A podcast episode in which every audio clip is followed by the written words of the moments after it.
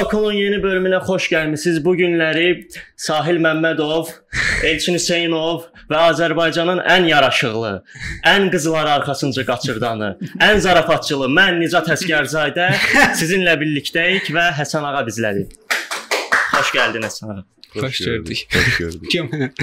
Mən çox şadam ki, sənin kimi belə bir e, gənc və seksual aktyorla yeni verilişdəyəm. Hətta Çox qonaq çağırmısan. Çox təşəkkür edirəm. Utandırırsınız lap. Və mən şey öyrənmişəm ki, yoxdur belə söhbətin adını sən tapmısan, düzdür? Yo, adını mən tapmamışam. Şey var idi, o vaxt çəkiliş vaxtı mən belə də hər şeyə o sözü deyirdim. Yoxdur belə söhbət, yoxdur belə söhbət. Aa, Hə, falan şey çəkiliş yox. vaxtı hələ kinonun adı tapılmamışdı onda. 2 nəfər üçün mol oldu kinonun adı. Nə? Mol? 2 nəfər üçün mol. Hə, Molda gecə oldu. 2 nəfərlik mol falan. Mol, mal, nə bilim indi, nə deyim. Onun əsl Molu deyilişi mola necə qatmayaq da, indi Hə, gəlin axırda da. Moldu, maldı onun deyilişi. Mol, mol, Mol, düz demişəm də onda. mol. İki nəfər üçün mol, molda gecə, xəyalpərəst, ən axırda da gəldi oldu, yoxdur belə söhbət. Yaxşı ki, molda gecə olmuyor. Hə. Yəni 2 nəfər üçün molda yaxşı ki deyil. Əslində hadisələr belə şey eləyirdi də, yəni oldu 2 nəfər. Bir var, xəyalpərəst nə əlaqə? Nə? yuxu filminə görə. Orada hə, var axı bir dənə elə bir söhbət. Yox. Görsən. Necə? Parazit sözdür, çox parazit sözdür. Bir o bir də şey e, sızıntı var deyirdim mən reskilə hər şeydə. Aa falan sızıntı var. O hamının ağzına düşmüşdü orada. Sızıntı var. Hə, sızıntı var, yoxdur belə söhbət. Sızıntı. var. Təzəvvürlər Ru təzə film çəkir, adını sızıntı qoyur. Obşim bir də indi tam başa düşmədim də. Deyək ki, qoymaq istəyirlər, sonra sən o söz və dildə Hə, hə, nə nə təsərrüfatın ağlına batdı bilmirəm. Heç kino mən demirəm premyera batı bilmişik ki, adı yoxdur belə söhbətdir. Poster yəni, onsuz da gördüm. filmin özü də eksperimental olduğu Hə. üçün deyiblər elə ad da Hə. maraqlı addır da yoxdur biz. Prosta mən indi sən nəyə görə deyirdim? Mən istəyirdim o adı biz sloqan eləyək podkastda. Deyim ki, müəllif hüquqlar səndədirsə Hər dayə. şey yox, müəllif. Əziyyət çəkməyək. Rahat, rahat, rahat. Amma qəşəng olar hə yəni. podkastda. Yoxdur belə söhbət. filmdə hər şey zövqlü idi də, posterindən tutmuş, aktyor. Yox, hər şey zövqlü deyildi. Amma Mənim bəs qozlar. Yəni çox zövq. O da Nə, idi? nə deyildi? Başlayaq bura. Mən Moldakı səhnələrin heç birini bəyənmirəm. Yəni ki, vizual olaraq. Yəni o deyildi. Digər digərləri geyim olaraq falan falan okey idi məncə. Məkanlar falan okey idi, amma mol olan bu səhnələri Çünki bəyənmirəm. mol olan səhnələrdə var idi, nə bilim, xromaki olan səhnələr var idi. Onlar biraz hiss olunurdu. Sonra elə səhnə var ki, onu evdə çəkmişik biz. Mol adı ilə. Mol adı. O hansı moldu? Pakullar hansı idi o? Hamısında demək olar. Yəni Qarışdırmısınız. Postbakıda da çəkmişik, Gənclikdə də çəkmişik. Sonra Dəmirçidə də çəkmişik. Qarışdırmısınız onda. Hə bir mol adı ilə əslində. Portbaku da var. Portbaku da var. Portbaku da var. Bir dənə molda çəksəz daha rahat olmazdı. Niyə gəzirdiniz ki? Şey söhbət var. Orada məsəl üçün oyun zad e, olan səhnələr var. Molda oyun maşınları var elə. O gənclik moldadır. Ona görə ora getdik. Sonra restoranı obisində Hə, danışmışdılar. restoranı Portbakuda danışmışlar, ora getdik. Ümumiyyətlə sən aktyorluğa professional şəkildə ilk başladığın proyekt odur da, yoxdur belə söhbət, yoxsa əvvəli var? İlk professional proyektdə aktyor kimi iştirakım mən ilk dəfədir. Amma belə professional aktyor kimi elə elə bir işdə işləməmişəm. İncə sənətdə oxumamısan sən. Necə oldu bu şeylə gəldin ki, mən aktyor olmaq istəyirəm? Bilim, Biz belə saymışdıq da, o da E, o da hə bax buradakı bu Nihat Qulamzadə var. Əsad teatrı. Əsad teatrı. Rəhbər. Biz Nihatla bir yerdə o vaxt Nihat, mən, Elvin Bəzalov. O da teatrını yaratdıq. Sonra mən ayrıldım, sonra onlar ikisi qaldılar, sonra adını dəyişdilər, sonra onlar da ayrıldılar. İndi fakt biri Əsad, o birisi dördüncü adı dəyişir deyəsən. Üç dənə hərflə qaqaş oynayır. Adı, doğa, Doğa. Sonra notlara keçəcək, re mi fa sol.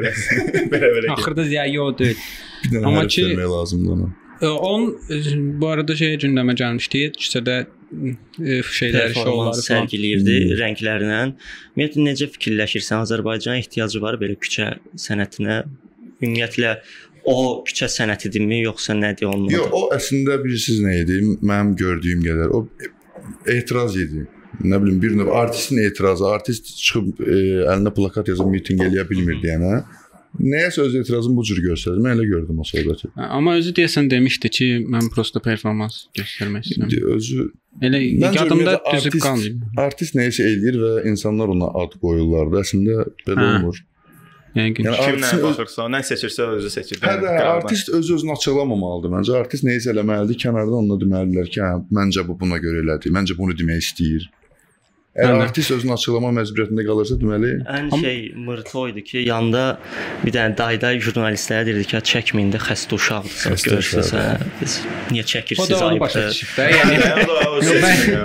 bəlkə də elə xəstə uşağı oynayırmış. Dayday düz tapıb biz səhv bilirik. Dayda onu görüb.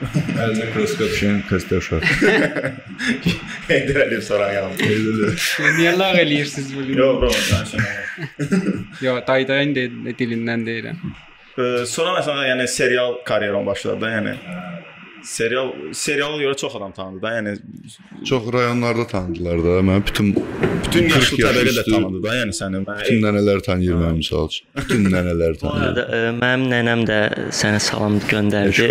Aleykümselam. Uçurum serialında dedi o qaqaşa çox bəyənirəm, salam de. Zəhmət olmasa nənəmə Uçurum serialında bir də kameraya baxıb salam göndərərdiniz. Rəna xanım da. E, Rəna xanım mən uçurumda yoxam. Yaşlı arvaddır da elə eləmədi. O uçurumda bilir səni, onun üçün Salam Rəna nənə. Nənəmizdir də, niyə ki? bəli. Salam. Fırat, bir dənə olsaydı hansı seriallarda oynamısan? Ona bir dənə İki adı. dənəsində olub. Biri bədii serial idi, şey, Solğun Çiçəklər. Aha. Biri isə belə də, yəni gündəlik serial, 310 serial. Bədii serial nə ilə götürsən? Bədii serial, yəni ki 8 bölümlük Əslində bu bədii film olacaqdı, amma baxdılar ki, nəsə biraz uzatmaq olar falan. Bunu bədii serial Nə idi adı? ya e, e, Solğun Çiçəklər. Cəfər Cabbarlının əsərinin motivləri əsasında. hə. Okay. Ancaq partladan o birisi oldu da, yəni. Yad. Partladan deyəndə ki, Yəni bro, daha o, çox. Hətta yəni istərsən televizor açırsan o gedir də hər gün. Bu avtomatik görürsən bunu. Rating də verirdi də məncə o serial. Yox, e, bro, vermir. Yox. Amma uçurumda süper idi. Bir də ITV-də gedən hansı idi? O də. Niyə dayandın bura? Niyə serial? Ümumiyyətlə dayanmısan serial? Belə. Dayanmışam deyəndə ki, bro, Azərbaycanda serial sektoru elə vəziyyətdədir ki, bu dəqiqə. E, məcbur qalıb gedib işləyə bilərsən ancaq və Pul qazanırsan. hə, və oradakı aktyorların demək olar ki, hamısı məcburiyyətdən orada işləyirlər. Yəni heç kim sevərək belə. Var normal pul qazana bilirlər. Yox, yox, yox, yox. O da yoxdur. Prosta çörək puluna Eləsi var, krediti var, yəni ona görə. Mən də gördüm də orada da, yəni kreditim var deyir, məcbur teatrdan alıram nə bilim 250 manat. O baxırsan ki, vəziyyət çox əslində Hı. acınacaqlıdır. İnsan aktyorluq şey elə işdir ki, ümumiyyətlə sevə-sevə görməlisən də, amma nə qədər ki belə narazı şəkildə işlədin, o qədər də tamaşaçı onu hiss eləyəcək, o qədər iş zəif olacaq. Hı. Ümumiyyətlə hər şey sıfır olacaq. Burada da ümumiyyətlə dönərlə, yəni Bir də aktyor nə qədər də yaxşı or olsun, məsələn, adamın rejissor deyək ki, ya da məkan filan elə vəziyyətdə olur ki, nə qədər də yaxşı oynasan, film Odur da, odur. Yəni ümumiyyətlə Büdcəsi əsas zadı problem yoxdur ssenaridir bizdə. Ssenarində o vəziyyətdə olmağının səbəbi e, ssenaristə qoyulan qadağalardır. Məsəl o üçün da büdcə problemidir. büdcəyə görə hə yaz, amma elə elə ki masovka olmasın. Bir dənə məkanda seç. Hə, məkan olmasın, evdə. Ona görə bizim seriallar hamısı Kənan Əmimin bəlkə də ilk və tək dediyi doğru söz var ki, nə bizim seriallar divan seriallarıdır. Halbuki özü də o işin içində olan Nə mənada deyvan? Yəni ki, divanda oturub söhbət edirlər ancaq ailə. Qonaq otağı, divan və ancaq başlar danışır da belə qrup planlarla belə.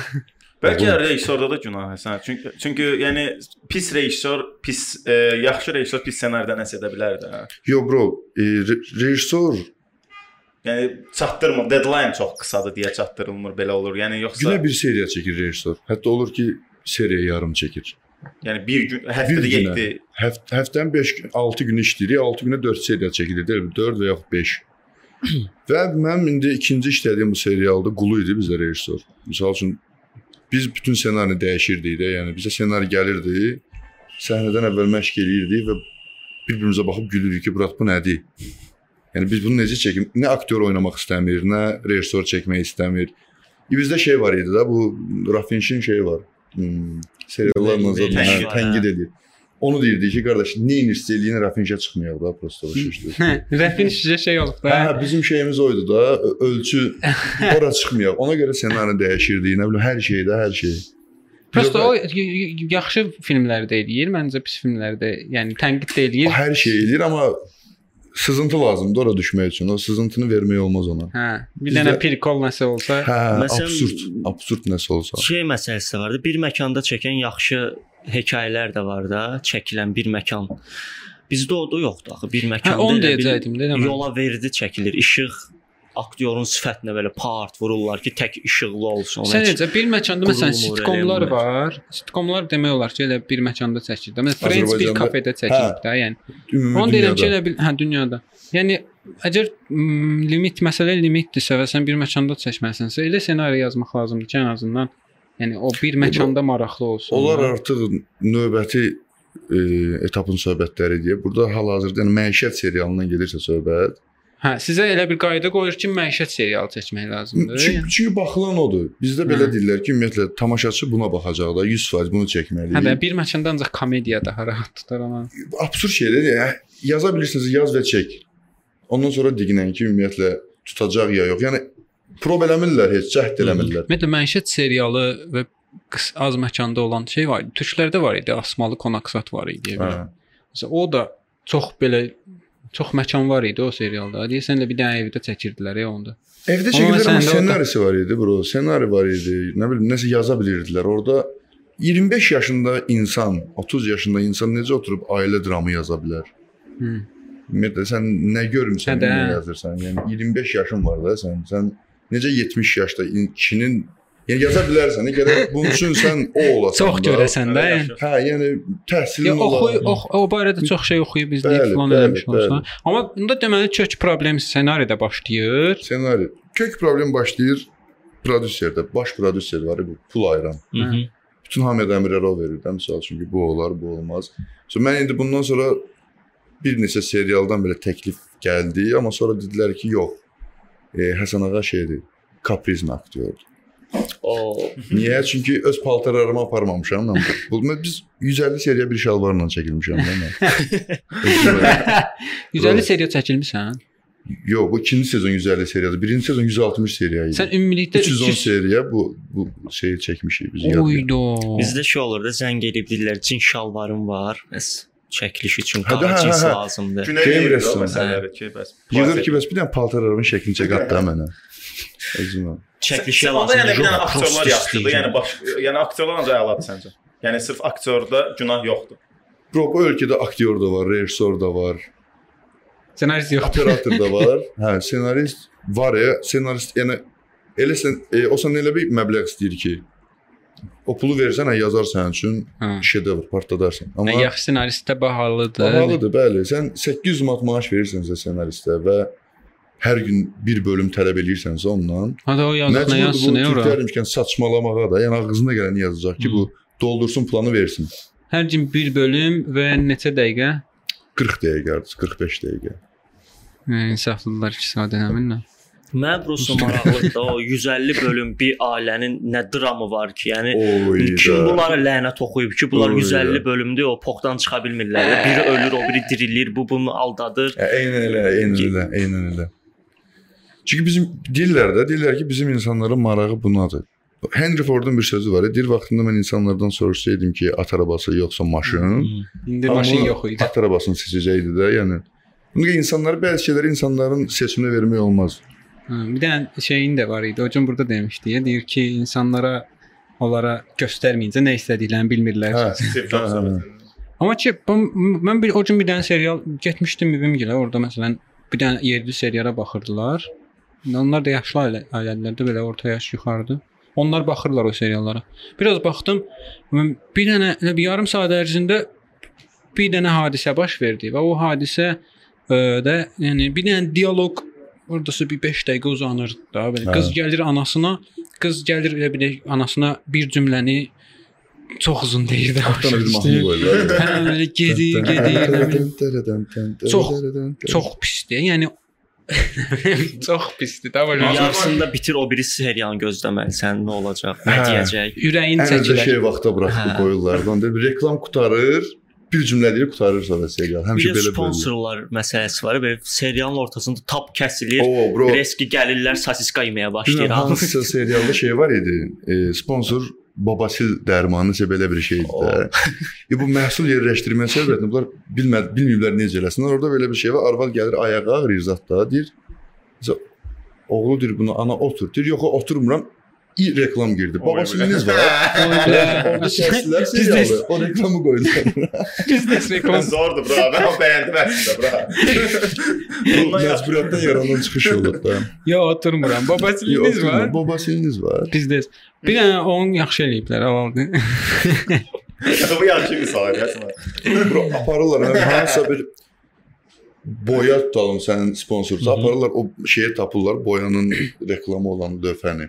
Onun altında çəkilir misal çəkilişdə. 2 nəfər orada Dramda rastlaşır. da olur bu. Məncə komediyada bununla qarşılaşmışam. Yəni nə səs gərək Dramda da görmüşəm mən, yəni Sizdə dram idi də. Bizdə dram idi, bizdə yox idi şey, sponsor yox idi. Bizim bəxtimiz gətirmişdi necəsə, hə, bizdə yox idi. Amma o birilərdə var da, yəni çox aşırı murdar dərəcədədir. Belə yəni reklam var, reklam var. Bir də var ki, reklamın içində serial. Ay o çox mən o da var ya. Ən çox da bir dəfə mən sən bacanaqlar bir ara var idi, Onlar tutmuşdu. ancaq səskə girirlər bir ara bura. Mən də açırdım, səskə. Qüdrət gəlmişik qonaqlığa, tab girirdilər, başladılar yeyib içməyə. Hə. İş orasındadır ki, Elçiyə səs qayadan.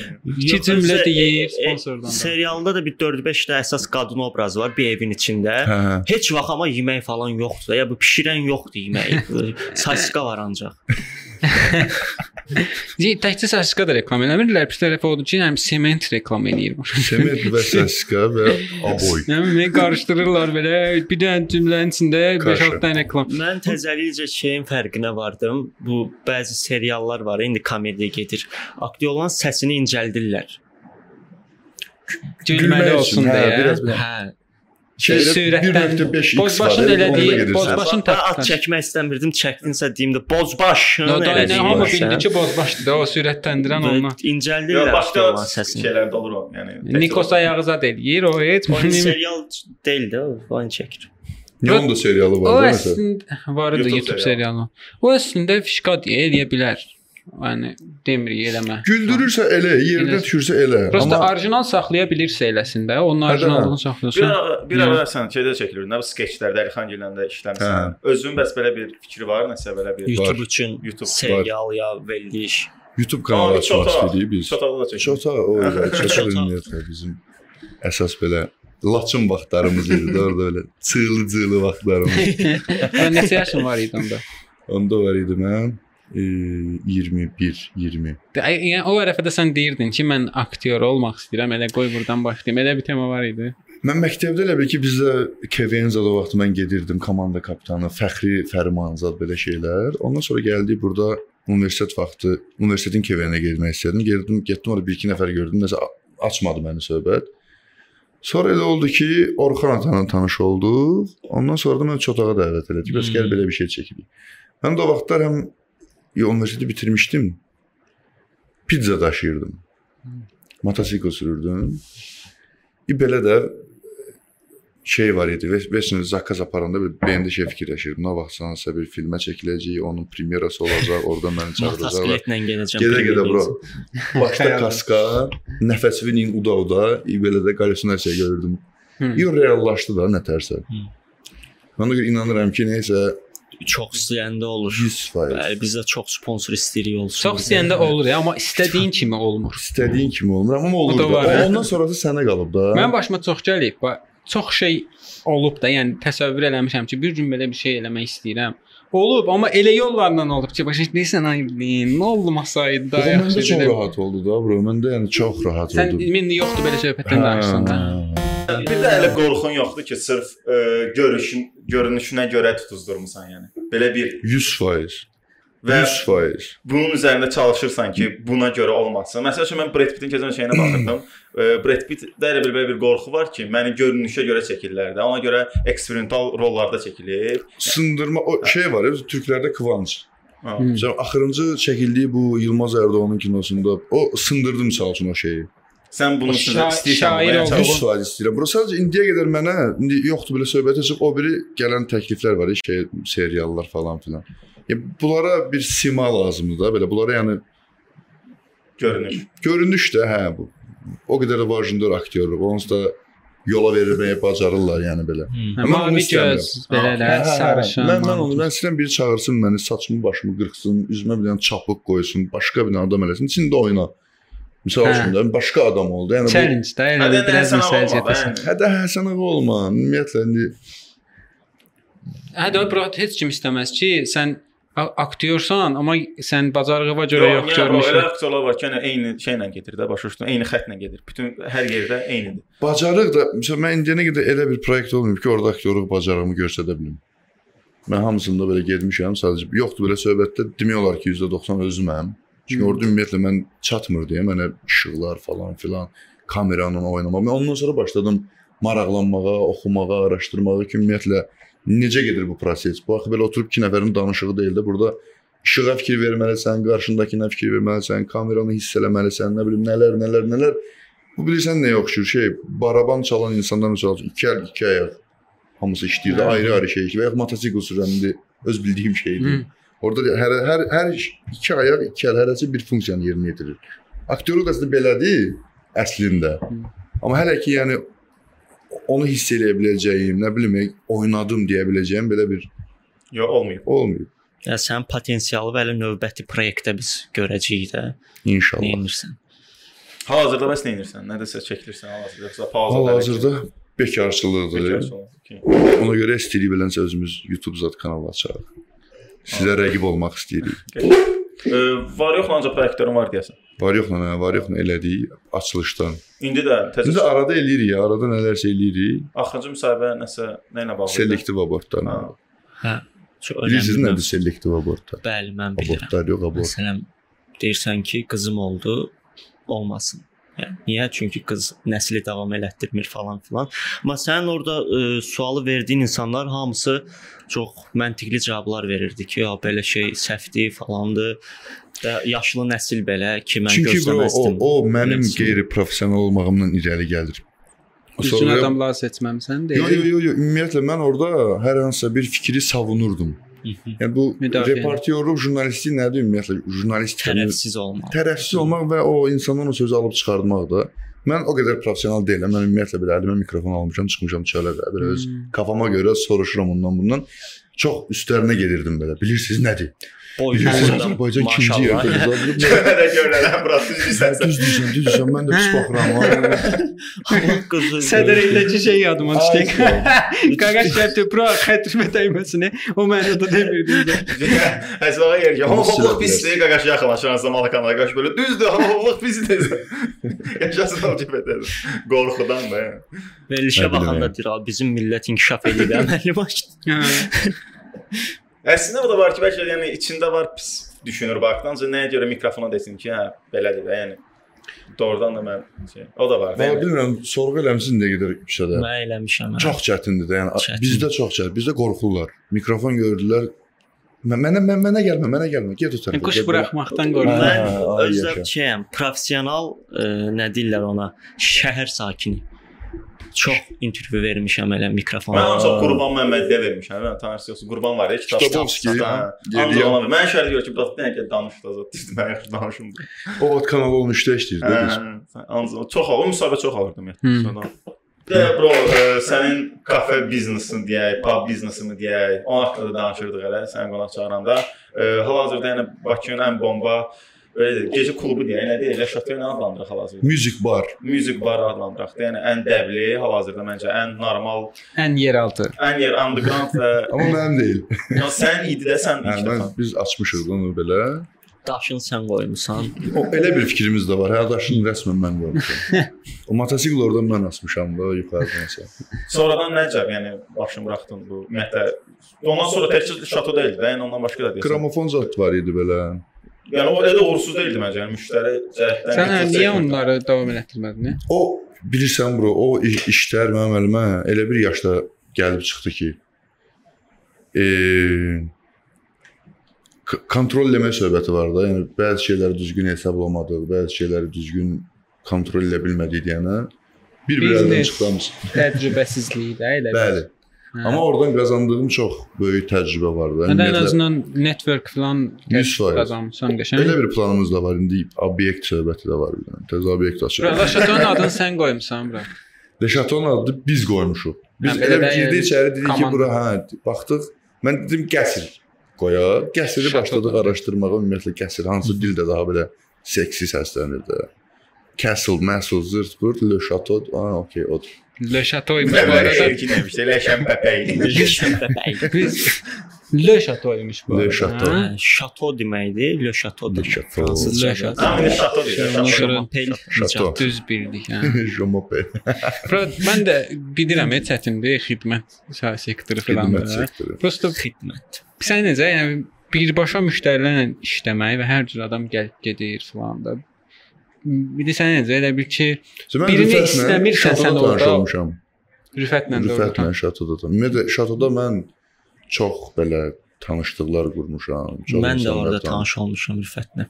Yəni buradan mən məsləhət vermək istəmişəm. Bizim Rüfətlə Ru Hə, Ruyla hə. Şatoda Belə salam verdi, mən də verdim. Biraz verirdim deyəsən. Ortaya girdim mən. amma arada görüşürük belə gəlir o tərəflər aradan. Amma işlərinə görə biraz məşğuldur. Məşğul. mən onu, onu deyirdim ki, elə ki sənin obyektindir, sən burada xidmət göstərisində kiməsə. Amma sən bir adam gəlib oturub, sən o adamın orada oturmağını istəmirsən də, narazısan.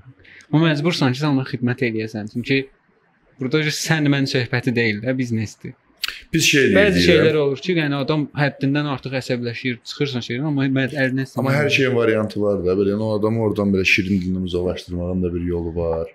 Amma əsəblər korlanır olmasa da. basın. Zəhmət olmasın. Masa e, Məni ən çox e, bu xidmət sektorlarında narahat edən bir mövzu var. Deməli, deyək ki, ofisant bir səhv eləyib. Nəyisə, ofisant səhv eləməyib. Nəyisə deyək ki, mən bəyənməmişəm.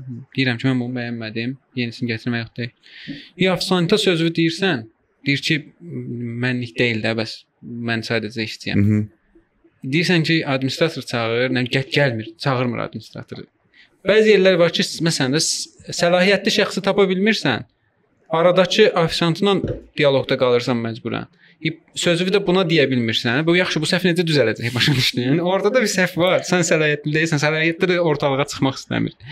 Xidmət sektorlarının çoxusunda belə problem var.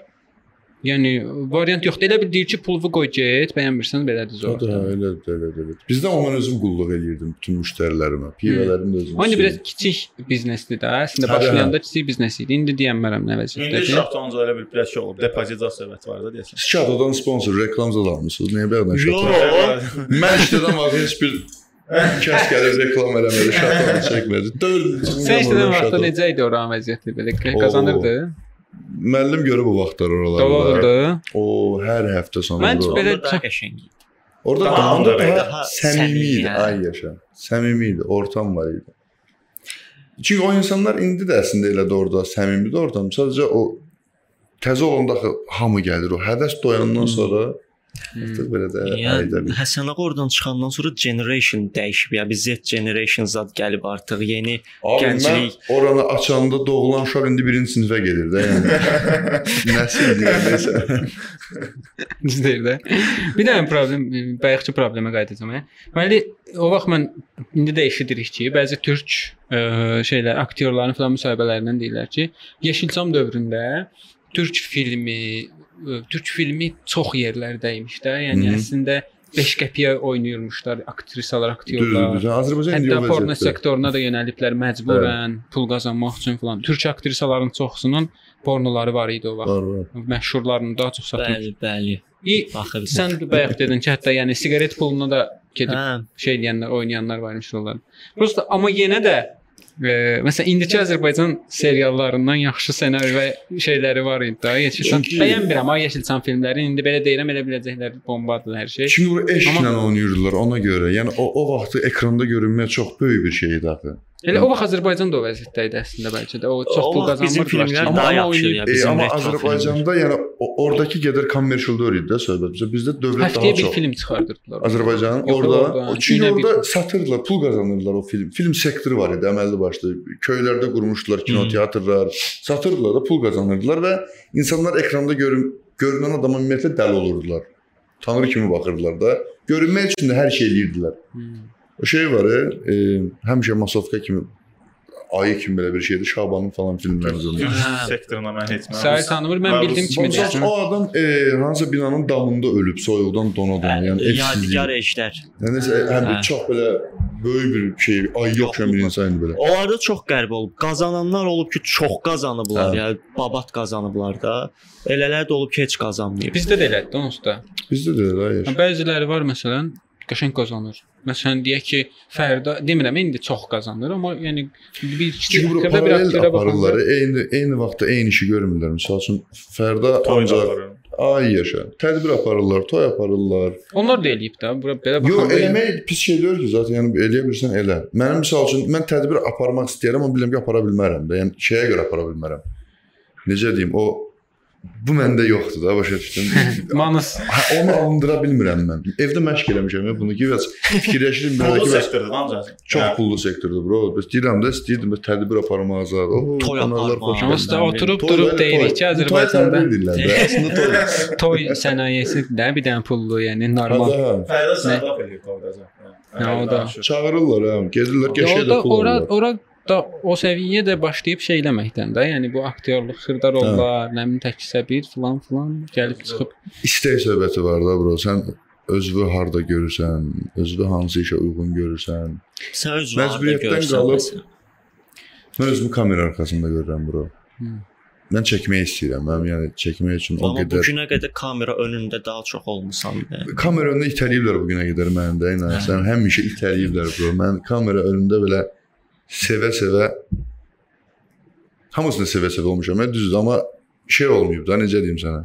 İşdən o Zövq alır. zövq almaq, o yoxdur belə söhbət. Dolab ondur mən söhbəti bilmirdim də, yenə deyirəm, nədir, belə idim. Hələ mən söhbəti tutana film qutardı, başa düşdün? Ruyla işləmək necə ümumiyyətlə, yəni başqa rejissorların Kimlə? Ruyla, Rüfət. Çox əcdaha. Çox əcdaha. Ümumiyyətlə mən Rüfətlə işləyəndən sonra mən elə bildim bütün rejissorlar belədir. İlk işlədiyim rejissordur.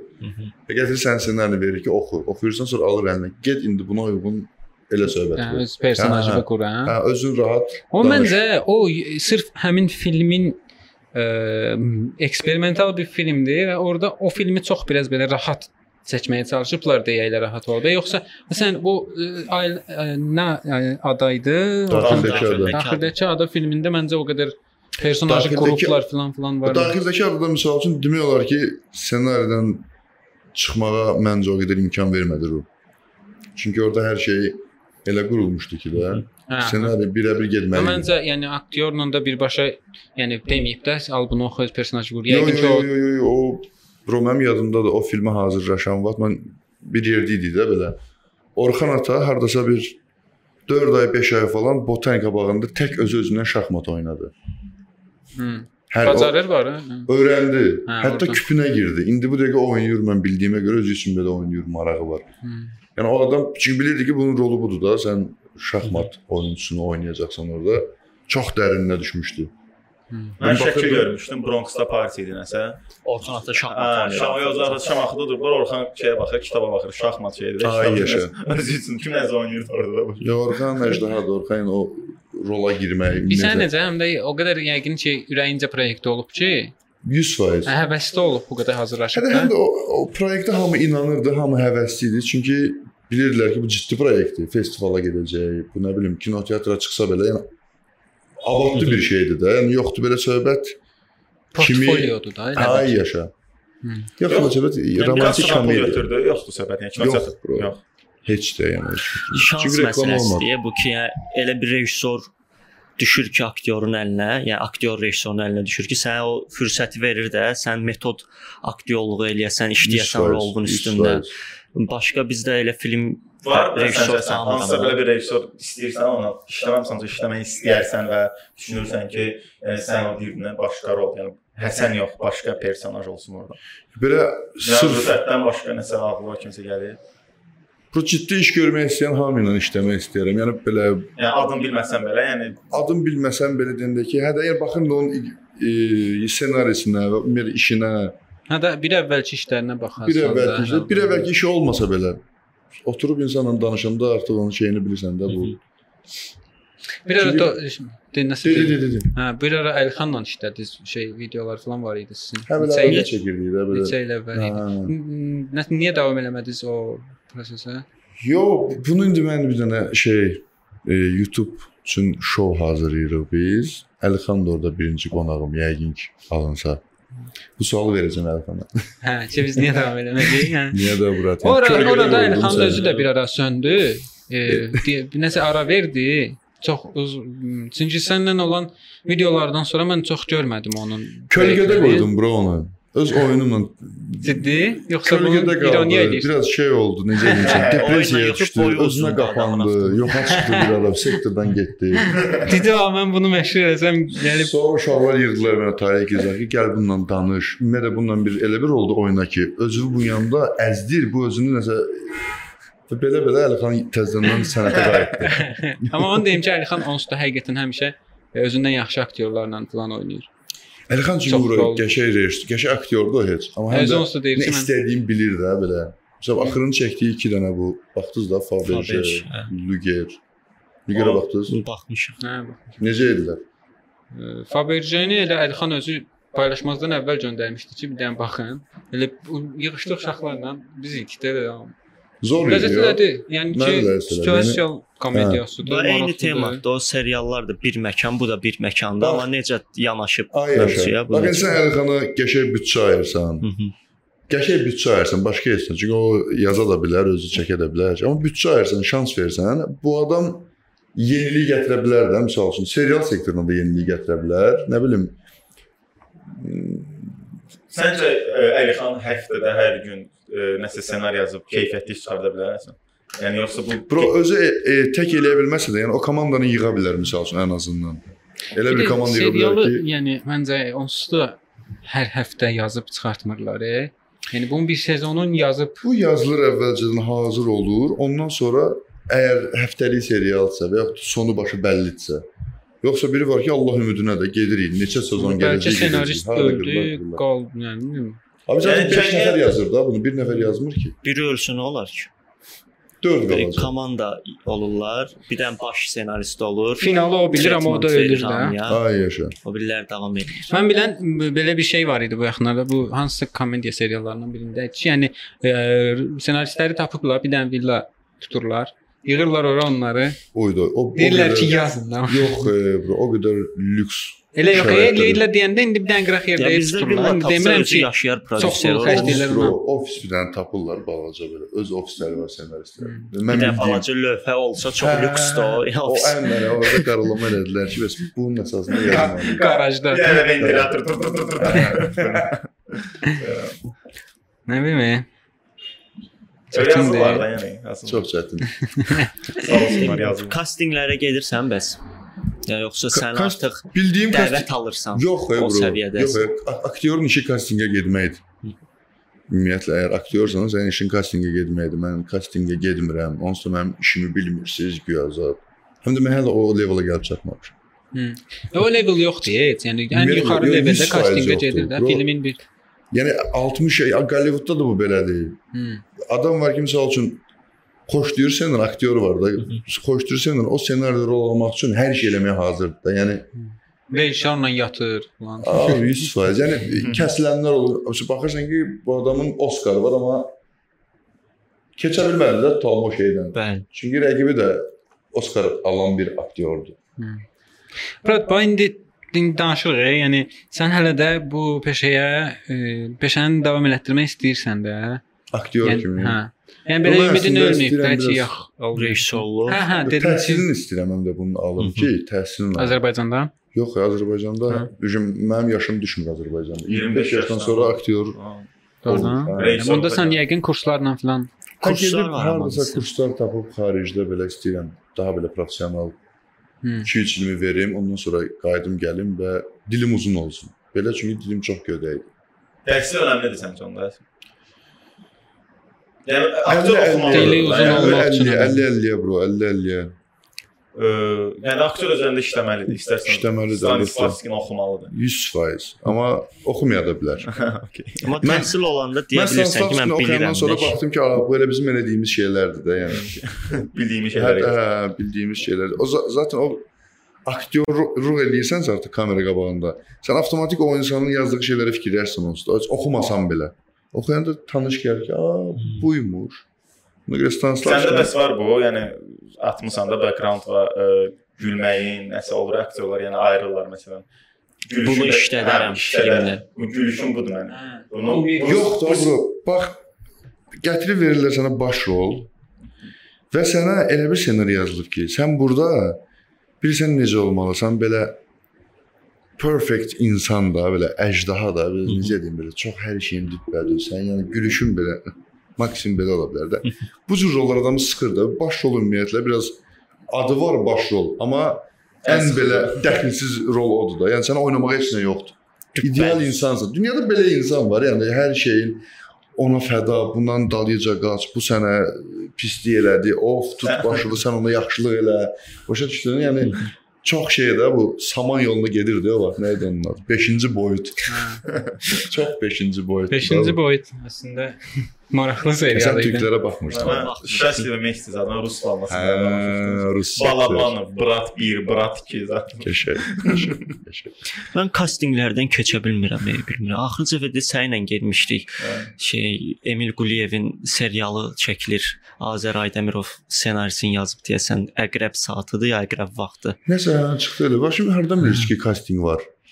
Elə tanış tunuşdan eşidirik də belə ki, kastinq var, necə istəsən get deyirlər. Mən də təzəlicə bu kastinq işinə girişmişəm. O proses, o proses ümumiyyətlə necə olmalıdır? Yəni bunun elanını verməlidirlər. Elan Yəni, olur. Nə tərsə bir şey olmalıdır. Şəxsən mənim xəbərim olmur heç bir şeydən. Universitetlərə Mən filan Sotan kastinginə getmişdim amma. Mən də getmişəm Sədan castinginə. O Biri- Orxan deyib ki, bəs gəl belə bir şey eləyəcək, bir baxarıq zət. Getdim, dedilər əfsə gəl. O Keçdim. vaxtınca belə xəyirpərəst yanaşılmayıb. Yəni çünki bu belə dostlar arasında edilən həvəskar bir proyektdir. Çox da- Hə. Onsuz elə idi də, yəni. Prosta Biz özümüz özümüz zövqlərdi. Yox, o işi Orxan komanda yığmaq istirdi o vaxt özünə. Ki Orxan daha da ciddi işlər görmək istəyirdi. Bu üç otaq belə giriş üçün idi. Hmm. Sadəcə nəsə belə biraz o necədir? Biz uşaqlar onu yazanda, biz orada çəkiləndə, oynayanda, güləndə elə bilirdik hamı bizim kimi buna güləcək. Və belə də dildən dilə keçəcək, paylaşılacaq falan. Amma paylaşdıq elə o belə bir kruq var, bu şato kruqu deyim. Aha. Bunu ümumiyyətlə bu camiada bağlı. Yəni orada fırlandı söhbət, orada öldü, batdı, getdi. Jones da çoxu çox proyekt var elə olan. Elə bəlkə də yoxdur belə söhbət də onun biraz daha böyük cəmiyyətinə çıxdı və bağlandı getdi. Eynən, eynən, eynən. Yəni 3 ildir YouTube-da da 200 min gö- göndərildi ümumiyyətlə festivallara da yoxsa belə bir tək olmadı. festival üçün Festival deyil, filmi deyil. Commercial. Niyə də nəsə göndər. Onsuz da belə o büdcə ilə çox da 1 saatlıq filmdir. Mən səhv eləmirəmsə. Əslində biraz On- 1 saat 6 dəqiqədir. Hə. Biraz da Çox uzun. biraz da var idi onun məncə xronometrajı. Sonra onu Kəsb doğrudur. kəsdilər, kəsdilər, kəsdilər. Hətta oradakı sorğular məcburiyyətdən əlavə olundu bura. İlkin Yusif eləyib mən bilən sorğuları. Deyəsən, bilmirəm kimi 40 dəqiqə falan idi o sorğularsız onun xronometrajı. Hə, də sorğular məcburən. Məcburiyyətdən sonra əlavə olundu bura. Yəni. Hə, baxanda elə bilirsən ki, eksperimentaldır bu, belə əvvəldən düşünülmüşdü falan, amma yox. Sonradan məcburiyyətdən Sorğular uzadmaq. üçün. maraqlı alınmışdı. Əslində Hmm. rəng qatırdı filmə də. Amma ki filmin özü qısa idi. Bəzi qəşəng zarafatlar var idi. Bə- oturan zarafatlar var idi. Qutab zad zarafatı. o. Yaxşı ki, ətlə. Bir də o xanım kim idi? O mən deyəsən caz ifaçısı idi. Tünzərə xanım. Hə. Tünzərə xanım. Qəşəng oynamışdı. Onun səhnələri çox yaxşı idi. Şeydə də Gözəl. kimlə kimlə soruşsan deyir ki, yəni mən o evdə keçən səhnələri molda keçəndən daha çox bəyənirəm. 100% bro. Çünki işin e, komediya tərəfi nənə ilə Məcnunda idi, romantika tərəfi bizdə idi. Hə, onda cəmaət də komediya. bəyənir. Cəmaət ümumiyyətlə komediya vardı, romantika. Zaten o qədər də belə sən deyən gözə çarpan romantika yox idi axı orada. O filmin axırında nə olur? Brat qızla oğlan bu o qız gedir ə, evlənir, yoxsa sonra bunlar barışır? Nə olur? Qız gedir sevgilisinin yanına.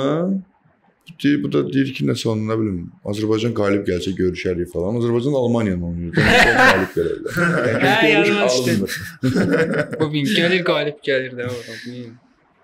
E, Səncə əslən bizdə Elvin İbraqona olanda biraz belə bir şey olmuşdu, söhbət düşmüşdü. Azərbaycan kinosunun inkişafı hal-hazırda kinoteatrlarda gedən və belə də sektora pul qazandıran şəxslərin əlindədir. Yəni 100%. on- onlar inkişafı onlar elətdirir. Yəni bu ə, indi Fərda gilidir, Elməddin gilidir, İlkin Həsənin gilidir. Yəni sırf kinoteatra ə, kino verən. Səncə bu belədir, yəni kinonun inkişafı. Yəni Azərbaycan kinosunun Kinonun inkişafına onların heç bir qram da şeyi yoxdur ümumiyyətlə. Onların kinonun inkişafına necə xeyri var? plaşatka yaranır. İndi plaşatkanın içində hansı ssenari, nə çəkilir, fərqi yoxdur. Amma orada kimlərsə gəlib işıq öyrənirlər, kimlərsə gəlib qrim öyrənirlər. Yəni bu e, kino işçiləri yetişdirmək üçün Əladır. əla mühitdir. Test Pro- eləyirlər Plaşat, özlərini. hə, əgər elə baxsaq söhbətə. Amma kinonun inkişafına indi nə nə mənada inkişafında bu söhbətdə var. Yəni ə, Azərbaycan kinosunu tanım tanınmağında deyə, onu necə sual verir? Amma sırf istəmirəm o mövzuya girib. Sənayenin inkişafından Hə, gedir yəni, söhbət. orada. Məncə o- o elə- mənada deyil. Film sektorunun ümumiyyətlə inkişafına Hə, yəni baxsaq, az qlobala qlobala çıxartmağa qədər belə, yəni nə bilim, yəni bu önəmlidir yəni. Yəni bunların olmağı yox, e, yəni sadəcə deyirəm də o insanlar plaşatka yarada bilirlər deyəndə önəmlidirlər. Əgər önəmə baxsaq, yoxsa belə nə onların ssenariləri, nə onların filmləri ümumiyyətlə Azərbaycan kinosunun inkişaf. inkişafına dəxli yoxdur. Hmm. Ümumiyyətlə orada kino yoxdur, onlar hamısı YouTube kontentidir belə bir yığılıblar bir yerə, bir dənə ssenari halına gəlib və 1 saat 30 dəqiqəlik qoyublar YouTube-a. Hələ YouTube-da da yaxşıdır, orada qalsın. O YouTube üçün də. Bu, bu, bu, sən özün dediyin seriallarda ə, daha çox da gəlir əldə etmək üçün ə, oynayırlar da. Sən özün niyə oynayırsan? Sən də həmin yəni puluna görə yoxsa prosta Mən nəsə test eləmək? Əvvəl də yox, mən yaxşı ki oynamışam əslində belə bir tərəfdən. Çünki çox şey öyrənmişəm. Yəni həddən artıq çox şey orada öyrənmişəm. Filmi öyrənməyə çünki 50% plaşatkada olur da. Hı. Hər şeyi öyrənmək istəyirsənsə, ümumiyyətlə film aktyorluqdan başqa da plaşatkada canlı birə-bir. Ondan sonra artıq öz əksilərini görüb gedib oxuyub araşdırıb tapa bilərsən. Amma belə plaşatka yəni o Olmalıdır. Məktəb kimi baxsan, yəni 100%. Yəni zor yanaşma. Ya da ki şeydir, belə hmm, özümü aldadıram, o da ola bilər. Yenidən teatr falan istəmirsənmi? Teatr çox istəyirəm bura. Dəhşət çox istəyirəm. Yəni teatr ümumiyyətlə o orada oynasam deyərəm mən aktyoram. Teatrda. Bəli. Bəs ə, odadan olmusan axı deyəsən. Abi o da axı amatör belə özünün yaratdığı Okey, belə mən bir məlumatım şeydir. yoxdur. Yəni- Onu bilmirəm. Yəni deyim bəlkə Ado teatr deyil axı. O da o vaxtı biz götürəndə ona 2 dənə belə otaq idi. Ortasını bölmüşdüm onu. Özüm remont eləmişdim oranı belə. Bir bir otaq. yenə daş qoyan orada daş qoyan mən idim. mən. Bir bir otaq belə idi, elə bir 2 metrin 3 metrə, 6 kvadrat. Oradan eləmişdik səhnə, onun qarşısına otağı sökmüşdük. Artıq 20 kvadrat oraydı. Hamı gəlib yerdə otururdu belə şeylərin üstündə. Belə bizə baxırdılar da. Biz Hmm. oynayırdıq, qutarırdıq, sonra onlarla sorğu-sual edirdik falan. Çox maraqlı eksperiens idi əslində. Sadəcə Yəni, yəni, az oldu da əslində- 12 dəfə falan tamaşa mən orada göstərdim, sonra çıxdım getdim. Ya hər halda qatqısı olub da amma. Olub, olub, olub. Çünki orada bizə İlqar Cahangir dərs dedi, belə biraz nələrsə öyrətdi belə az çox. Sonra İlqar Cahangirlə bu serialda işlədik biz bir yerdə. Artıq ucu orada təmənnası edirdi də, yəni bu. təmənnasız hə, heç nəsiz, heç nəsiz. Gəldi, kömək. O vaxt onun da biraz işdən falan çıxmışdı deyəsən teatrdan. Sağ olsun. Gəldi, teatr qurdu. Bir çıxdıq, getdik. Amma indi mən məsələm şəxsi fikrim Adon indi gəldiyi vəziyyəti mən bəyənə bilmirəm. Tamaşalarını da. Nə gözləyirsən bura Adodan sən əslində, yəni bir dəqiqə. Bəlkə gözləntin çox yuxarıdır ona görə. Yuxarıda da elə bilmirəm. Şey kimi gəlir. Elə bil insanlar e, türklər ilə kral çıplaq Hə. yanaşırlar. Kimsə çıxıb deyib ki, Ado çox intellektual tamaşalar eləyir və hamı da bilmədən heç tamaşaya getməyən adam belə nəsə olan kimi Facebookda paylaşır ki, super Azərbaycan teatrının inkişafı, nə bilim nə, nə, nə. E, baxıb axırıncı məsələn Emil çıxıb özünü rəngləyəndə sarayın yanında mən heç bir məntiqli bir səbəb gəlmədi orada. Okey, teatr açılsın deyə e, bir aksiya kimi bir şey eləyirdi, amma teatr açılsın deyə niyə özünü rəngləyirsən? Diqqət çəkmək üçün ola bilər. Və yaxud ümumiyyətlə odanın məşhurlaşmağının əsas səbəbi oda bir 8 dəfə yer dəyişdi. Bilmirəm 7 neçə dəfəmsə yer dəyişdi o məkan. Bağlayırdılar Hər dəfə polis gəlirdi falan. Belə-belə məşhurlaşdı da, yəni o da məncə yox. Amma məsələn şey hiss eləyirəm ki, illər sonra Ado ə, haqqında dokumentalni film çəkiləcək bir şey olacaq da ki, deyim belə bir şey var. çəkəcək məncə. 100%. Mən elə bir potensial hiss edirəm onda ki, özü öz haqqında çəkə bilər. Amma alışa bilmirəm də mən onlara. Yəni, Yəni klassik teatr ayrı deyə bilsəm Murat. 100% eləsə bura, yəni ən azından klassik teatrımız indi var olub əvvəl. Bu da deyəlim, deyəlim ki, modern teatrdır. bunun nə bilim, bəlkə bir keçidi olmalı idi bir növ. Bəlkə ona görə biz alışa bilməliyik və yaxud da bir məntiqi olmalıdır. Başa? Mən mən də açığı, yəni elə şeylərdə məntiq axtaran adamam. Yəni bir şey eləyirsənsə bunun səbəbi var da. Bayaq dediyim o etiraz o mənim öz mən eləsəydim adını qoyardım misal üçün. Deyərdim etiraz edirəm. Amma indi o deyir ki, mən Sənət göstər. sənət göstərirəm. O şeyin poxu da sənətdir də belə baxanda. Mans nədir? Yəni yığıb öpsədən sənət nədir? Sən nəyə sənət deyirsən? Sənət. Sual buna. Mən- Səninlə biraz bu gənclik haqqında danışmaq istəyirəm. Bayaq da dediyim kimi arada e, bu şatoda falan işləyəndən sən o köhnə gəncliyi də gördün, indiki gəncliyi də görürsən ki, nələr dəyişib. Əslində bir qismini görürsən düzü. İndiki dənə- tam görənmirəm əslində. Çünki bilmirəm harda deyilən oturur. bir şey var. Mən nədir bilmirəm. Deyirlər sektor uşağı zad. İctimai sektor. Yəni mən hətta e, başıma belə bir hadisə gəlib. Bir e, Zənan Xeylağı ilə bir münasibətim olmuşdu. Aramız dəydi falan bir küsküdük falan oldu. Gəldi mənə dedi ki, parkda dramatik bir səhnə yaşadıq. Dedi ki, mənə padruqalarım demişdi ki, Nizat sektor uşağıdır, ondan uzaq dayan. Mən belə Ona qaldım ki, yəni yəni... sektorda burdan. sektor nədir ki axı? Yəni beynimdə bu getdi. Gəldim hətta Elçin səndən kimdənsə soruşum, sektor nədir? Yəni mənə söydülər yoxsa nə? sektor abi bilirsən nədir? O vaxtı, o vaxt yəni ki, nə bir 10 il əvvəl, 8 il əvvəl belə necə gənclərin bir yerə yığılıb özlərinə yaratdıqları belə bir təşkilatlar var idi, nə bilim, e, kafelər var idi, yeraltı var idi məsəl üçün o Yox, vaxt. pro progressiv gənclər. Progressiv gənclər, ay sağ ol. Bu Daha insanlar müxalif deyəkdən də. Ə, Müxalifindən tutmuş yaradıcı artist falan bu. ay yaşa, belə biraz marjinal, belə biraz nə bilim, Hə, hə. fərqli, fərqli düşünən, fərqli geyinən, nə bilim, sırğa Şəhərdə taxan. yaşayan. Hə, şəhərdə az Şəhər mərkəzdə uşağı. yaşayan, hər gün mıxlayan, sırğa taxan, saqqallı, Gitarist. çiynində rüqzakı olan, Qırmızı Winston çəkər. qırmızı Winston yox, ümumiyyətlə sarı filtr hər hansı bir siqaret çəkən, bu sarı Camel da ola bilər. Kaybedənlər kulübünün Ay, fanatı. yaşa, fanatı. E, все, bu qədər. Məncə təzə-təzə Aa. olan çox zor idi. Nə vaxt Sonradan bə- Camel çəkirdim özdə, yəqin onun üçün Azad qızıldı. seks. Bro, sən Camel-la Mən Elçibəyə promo mesaj vermisən deyən Hə. hər söhbət partlayıb. Yəni ki, Dazaviksən də onu ifadə edir. Camel bro, Camel. Camel qəşəng Camel, siqaret. bro. Camel is everywhere. Camel'dır. Hep də O bunu tamam. söylərlər. Hə, qəşəng Bizim zarafatla. gənclik indi bəs nədir? Yəni sektor var indi. İndi də var. Yoxdur, yox. Həmin ictimai sektor. Sektor mən o sektordan açığı çox e, sektor dediyimiz o camiadan çox İlk sektor. əjdaha insanlar tanımışam. Hələ də yəni tanıyıram, hələ də belə hərəsi bir iş güc sahibidir, amma çox boş insanlar da tanımışam. Hələ də boşdular. hələ də yəni orada həmin yerdədirlər, həmin kimi. Eyni bro, eyni söhbətləri edirlər. Yəni keçib üstündən 7 il, 8 il artıq nə bilim baba olan var, ana olan var, ata olan var. Amma eləsi var ki, eyni fikirdədir. də. Yəni insan necə 1 qram inkişaf eləyə bilməzmiş. İlişib qalıb oradan hansısa bir nostaljik şeyə, onu yaşayır illərdir, hər gün, hər gün. O Təkrar vaxt edir. belə idi, o vaxt belə idi. O vaxt belə edayətsə. İndi Deyinə, də yeni gənclik gəlib ya. O bizdə o qədər fərqli gəlirlər ki, mənə mən özümü cavan hiss eləyə bilmirəm də onlara baxanda. Elə bir onlar cavandır, mən artıq orta yaşlı təbəqəyəm.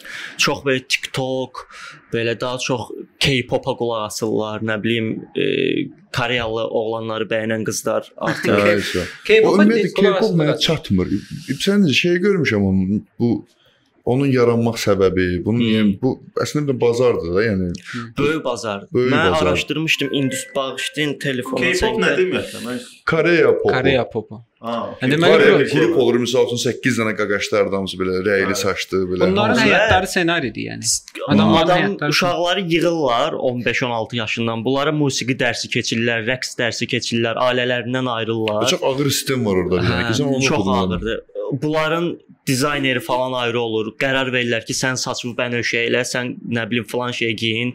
Cəmaət xoşuna gəlir bu iki oğlan bir-birinə sevgi hekayəsi olanda. Həm də orada şey var. Fikir versən orada cinsiyyət söhbətini aradan Hə. qaldırmışdı. Çünki baxırsan, Ey, yəni bilinmir. homofobluq kimi çıxmasın. Homofobluq. Fransız dilində Hə, amma. bu homofobluq. Neftçalanla Fransa qarışıqdır da. Baxırsan bilmirsən bu qızdı yoxsa oğlandı. Yəni orada elə bir onun Makyaj stilist aradan işləyib ki, üstündə. Hə. qaldırırlar. babat pul xərcləyirlər şeyə, kliplərə falan. Çox ciddi bir sistemdə yetişdirirlər onları. Yeməklərinə qədər qarışılır onları. Bu nə, bunlar yəni bir qrupdur yoxsa cərəyan kimidir yəni? Qrup Qrup cərəyan da eləsində. Hə. Çünki bir neçə qrup var belə. bir neçə qrup var. Çox var Bir-birləri ilə əslində. Köhnələr var. Maksimum 27 yaşa qədər artıq qrupda ola bilirsən, nə bilim belə şeylər var. Sonra çıxardırlar. İnsar edirsən 27 yaşım var. Hanna Montana zad var idi o vaxt Hə, belə. hə, hə. Bir qız oxuyur belə. Onun elə bir Koreyalılar götürdülər, Kitay variantını Gestapo, elədilər. Gestapo rejimində eləyirlər həmin şeyi elə bil başa. Əslində Amerikada da e, həmin deyə, yəni məsələn də bir prodüser, productions artisti o qədər belə götürür ki, məsələn Liboy ölkədə bu belədir. Hətta bundan ə, mən eşitmişəm ki, Amerikada da artistlər şey eləyirlər, musiqiyə, çox da musiqi səsində Kanye West falan bir dəfə bildirmişdi ki, yəni productionlar əmir artistlər. Əmirlər yox abi belə söhbətləri mən də eşitmişəm. Bilmirəm şayədir nədir. Ölür deyir. Hə. Artist ölüb. Təzə albom çıxır. Amma yerinə onun yəni kimisə çıxarırlar da, hmm. bu biznes davam eləsin deyə. Şey var, e, bu qız var. Hannah Montana demək. O həmin o Miley Cyrus. ay yaşa. Onun adını də- deyəmirəm də prosta. Mən də deyə bilmədim, ona görə partiyaməndə belə. Onu Mən deyə bilirəm. onu deyirlər ki, tamam o belə bir şayə var ki, bu əslində ölüb. İndi onun kopyasıdır prosta orada Avril oxuyan. Lavigne var. Onun Bunu şeydə də haqqında da elə film göstərdilər. var. Black Mirror-ın hansısa bir seriyası var. Ha, Orada orada bax axırıncı şeyin seriallarından Azca birində. şey bir bir o şaya çıxandan sonra o seriyaya baxdım mən. Dedim ki, oyda bunlar yəqin necə demək Beatles'ın istəyirlər. gitaristi idi də, Paul Yaşa. McCartney. O ö, avtomobil qəzasında ölüb. Onun yerinə başqası çıxıb YouTube-da Və- yazsaz Paul McCartney yazsaz çıxır bunun haqqında Və videolar. bunu zad. qrup özü biruza vermək üçün şey var. Onların bir e, albom qapağı var. Dördü də yoldan Hı hı. keçirlər belə. Hə, hə, hə. Qabaqda John Lennon'dur. Belə onu şey açıqlayırlar da. Tipa, qabaqda John Lennon da orada ağ paltardadır, uzun saçlı. Deyirlər ki, tipa bu öndə gedir, tanrı kimidir, Hı hı. mələk kimidir. Arxasında 3 nəfər gəlir və onların birinin ayaqqabısı yoxdur ayağında, ayaq yalındır. Maşın qrup ayaq yalın olan əslində öləndir. Ona mesaj kimi göstərdilər ki, tipa bu qrupda dəyişiblər bunu cəmaət xəbəriniz olsun ha, bu o deyil.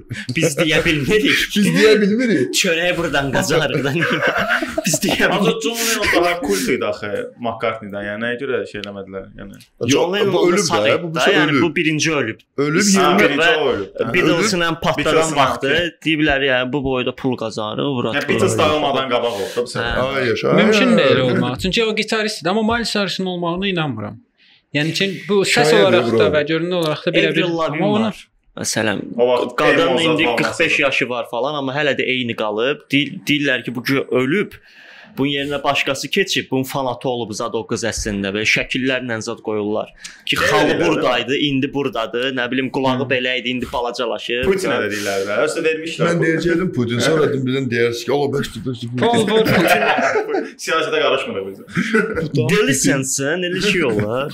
Ha, diləkəş elə Azərbaycanda da o səviyyələrə çıxsın artistlər Ya Putinə veriblər əsas Öləndən sonra əvəzləsinlər Həsən ağa məcbur əslində Həsən ağa deyil. Oxşarlıq. Əslində Hüseyn ağa gətirdi. Əsl Həsən ağa bura gəlməzdi. Həsən ağa 2 santim daha qısa idi o vaxt şatonu açanda. Hər tərəf hər şeydən 2 santim daha belə böyük idi əslində o vaxt. Bir kəsi indi yığ zaman gətirirlər.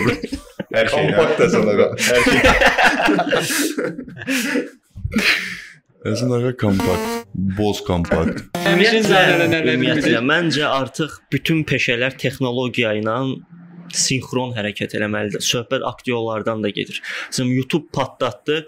Məncə aktyorlar, rejissorlar da artıq bunu nəzərə alıb nələrsə eləməlidir ki, kütlə YouTube-dadır, kütlə onlayn e, tərəfdədir. Artıq da. televiziyada o qədər də insan yoxdur, baxmır. Hmm. Yaşlı nəsil var ki, o da asta-asta azalır. Hmm. ya çox patladan bir iş eləməlisən ki, insanlar televiziyaya gəlsin ki, görəsən nə baş verir, ya da ki, Yəni dəyişməlisən. teatr İnsanlar belə televiziyaya getməzlər, Ercə. Mənim insanlar 50 ildə, 60 il televiziyaya çıxandan şeyin həsrətindədirlər ki, belə bir şey olsun ki, istəyəndə ona pauzanı basa bilək, istəyəndə baxa bilək. Hı. İndi YouTube var da, artıq o xəyalları reallaşıb deyəndə televiziya artıq sən məncə nə eləsən də tutmaz televiziyada bundan sonra. YouTube nə qədər ki açıqdır. Hmm. TikTok var. Mən də məsələn TikTokda TikTok. Veriz Azərbaycan verilişi Joxbox kanalında eyni hər zamanda gün TikTokla TikTokdadır. yatıram əslində.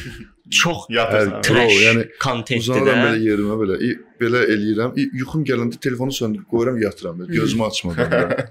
Necə ona baxsan yuxun gələr də. Burada onsuz da adamı belə şey eləyir də o kontent, robotlaşdırır da bir yerdən sonra Mən sadəcə çatmıyor. Orada Kan- məşhur olan insanları belə cəmaət görürəm ki, küçədə gör, qaçır, şəkil çəkdirir, imza alır belə.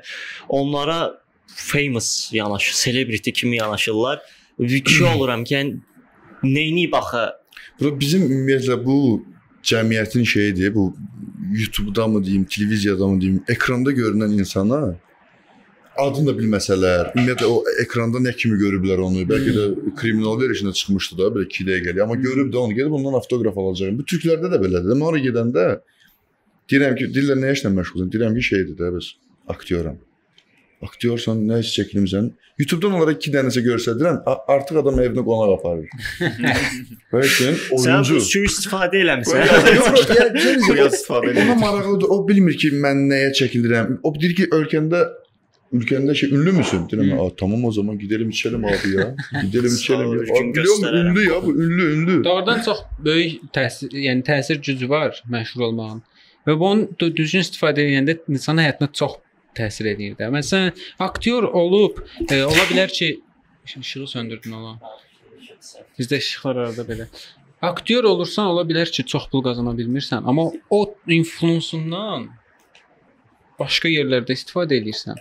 Bu da onsuz da sənə böyük gəlir gətirir. Amma indi məsələn reperlər var. E, baxırsan ki, e, çox konsert də verə bilmirlər pul qazanmaq üçün. Musiqiləri də satılmır Spotify-dan, amma onların o hype bir də bəzən sponsorlardan götürdükləri gəlir, onlara repdə qalmağa bəs eləyir. Bəs eləyir. Hə, çünki mən bu gün bir kafeyə getdim, məndən şot almadılarsa, bu da bir mənim qazancımdır da. Sən istifadə edirsən sənəsə məşğul olma. Məsələn, istərsiniz Yox, mən o qədər məşhurdur amma mənim deyirəm, mənim məşhurluğum rayonlarda nənələrim məni tanıdığı qədərdir yəni. Yox, xeyr, bro, məncə sən kifayət qədər məşhursan. Çünki evdə lök batanda belə hansısa bir ailədə, yəni səni tanıyırlarsa, Mənim nənəm bro. belə uçurum serialında sənə baxır da düşün.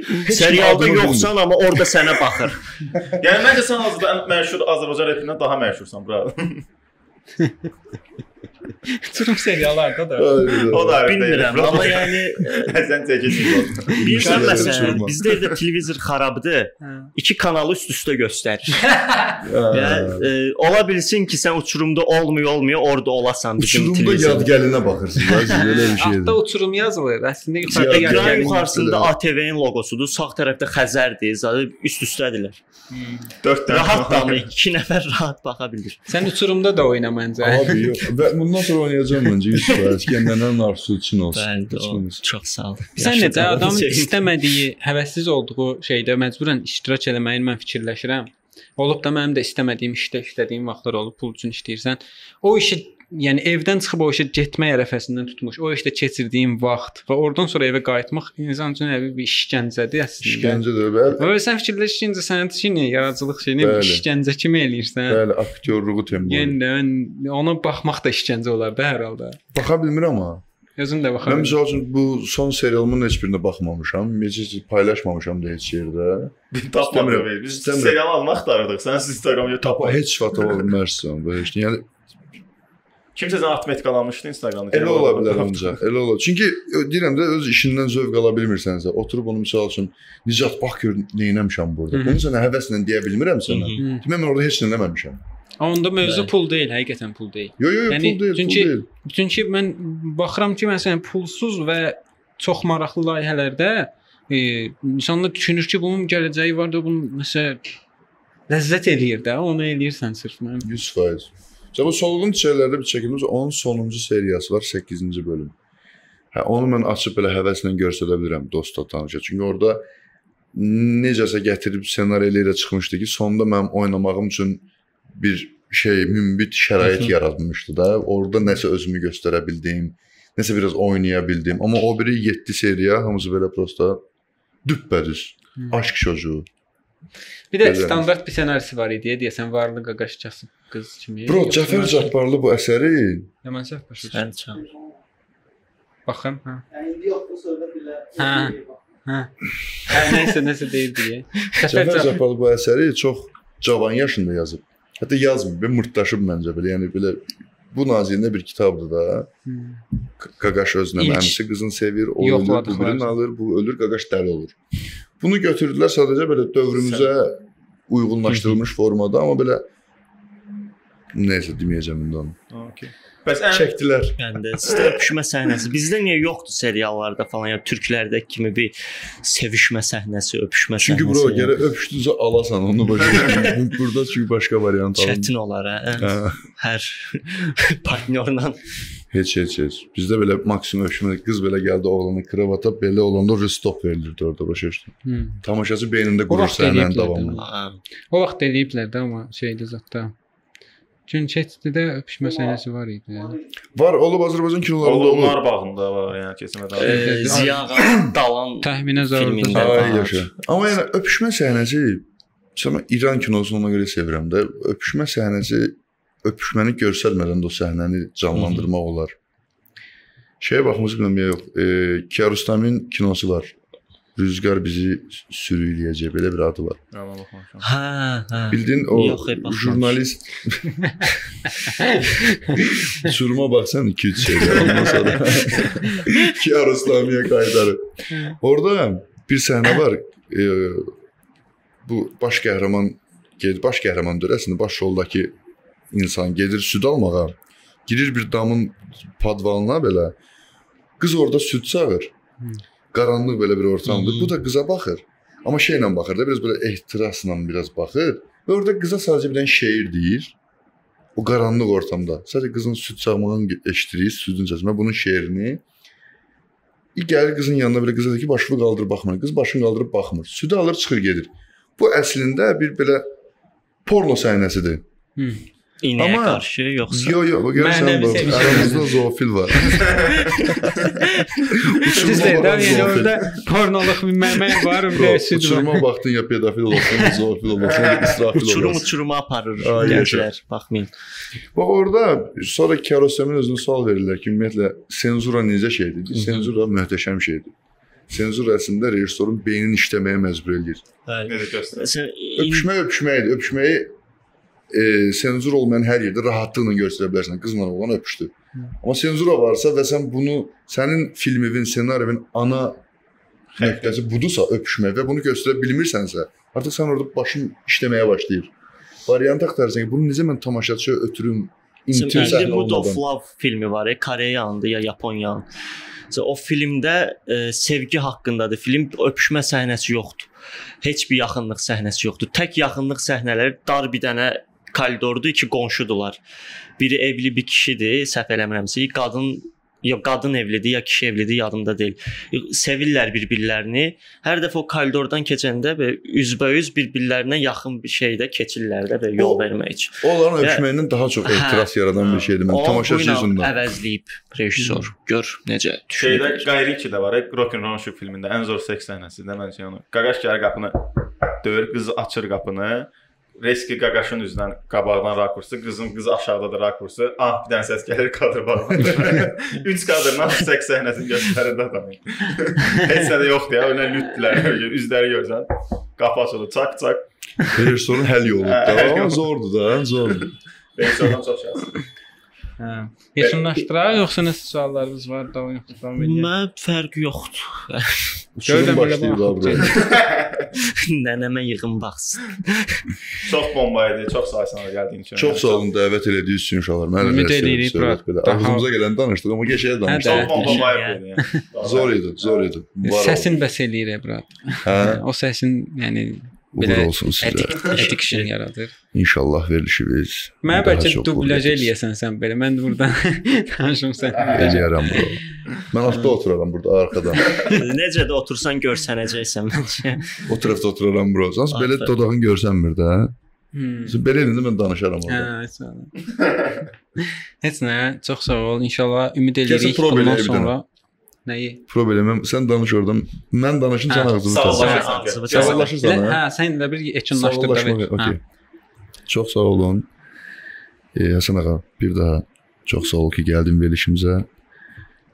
Növbəti bölümlərdə görüşərik. Sağ olun uşaqlar. Sağ olun. Uçurum serialını da izləyin. Yaz gəlin. Maşında olsa, maşında olsa. Birləşdirə belə dediyimiz kimi 2 dəqiqə. Yəni ki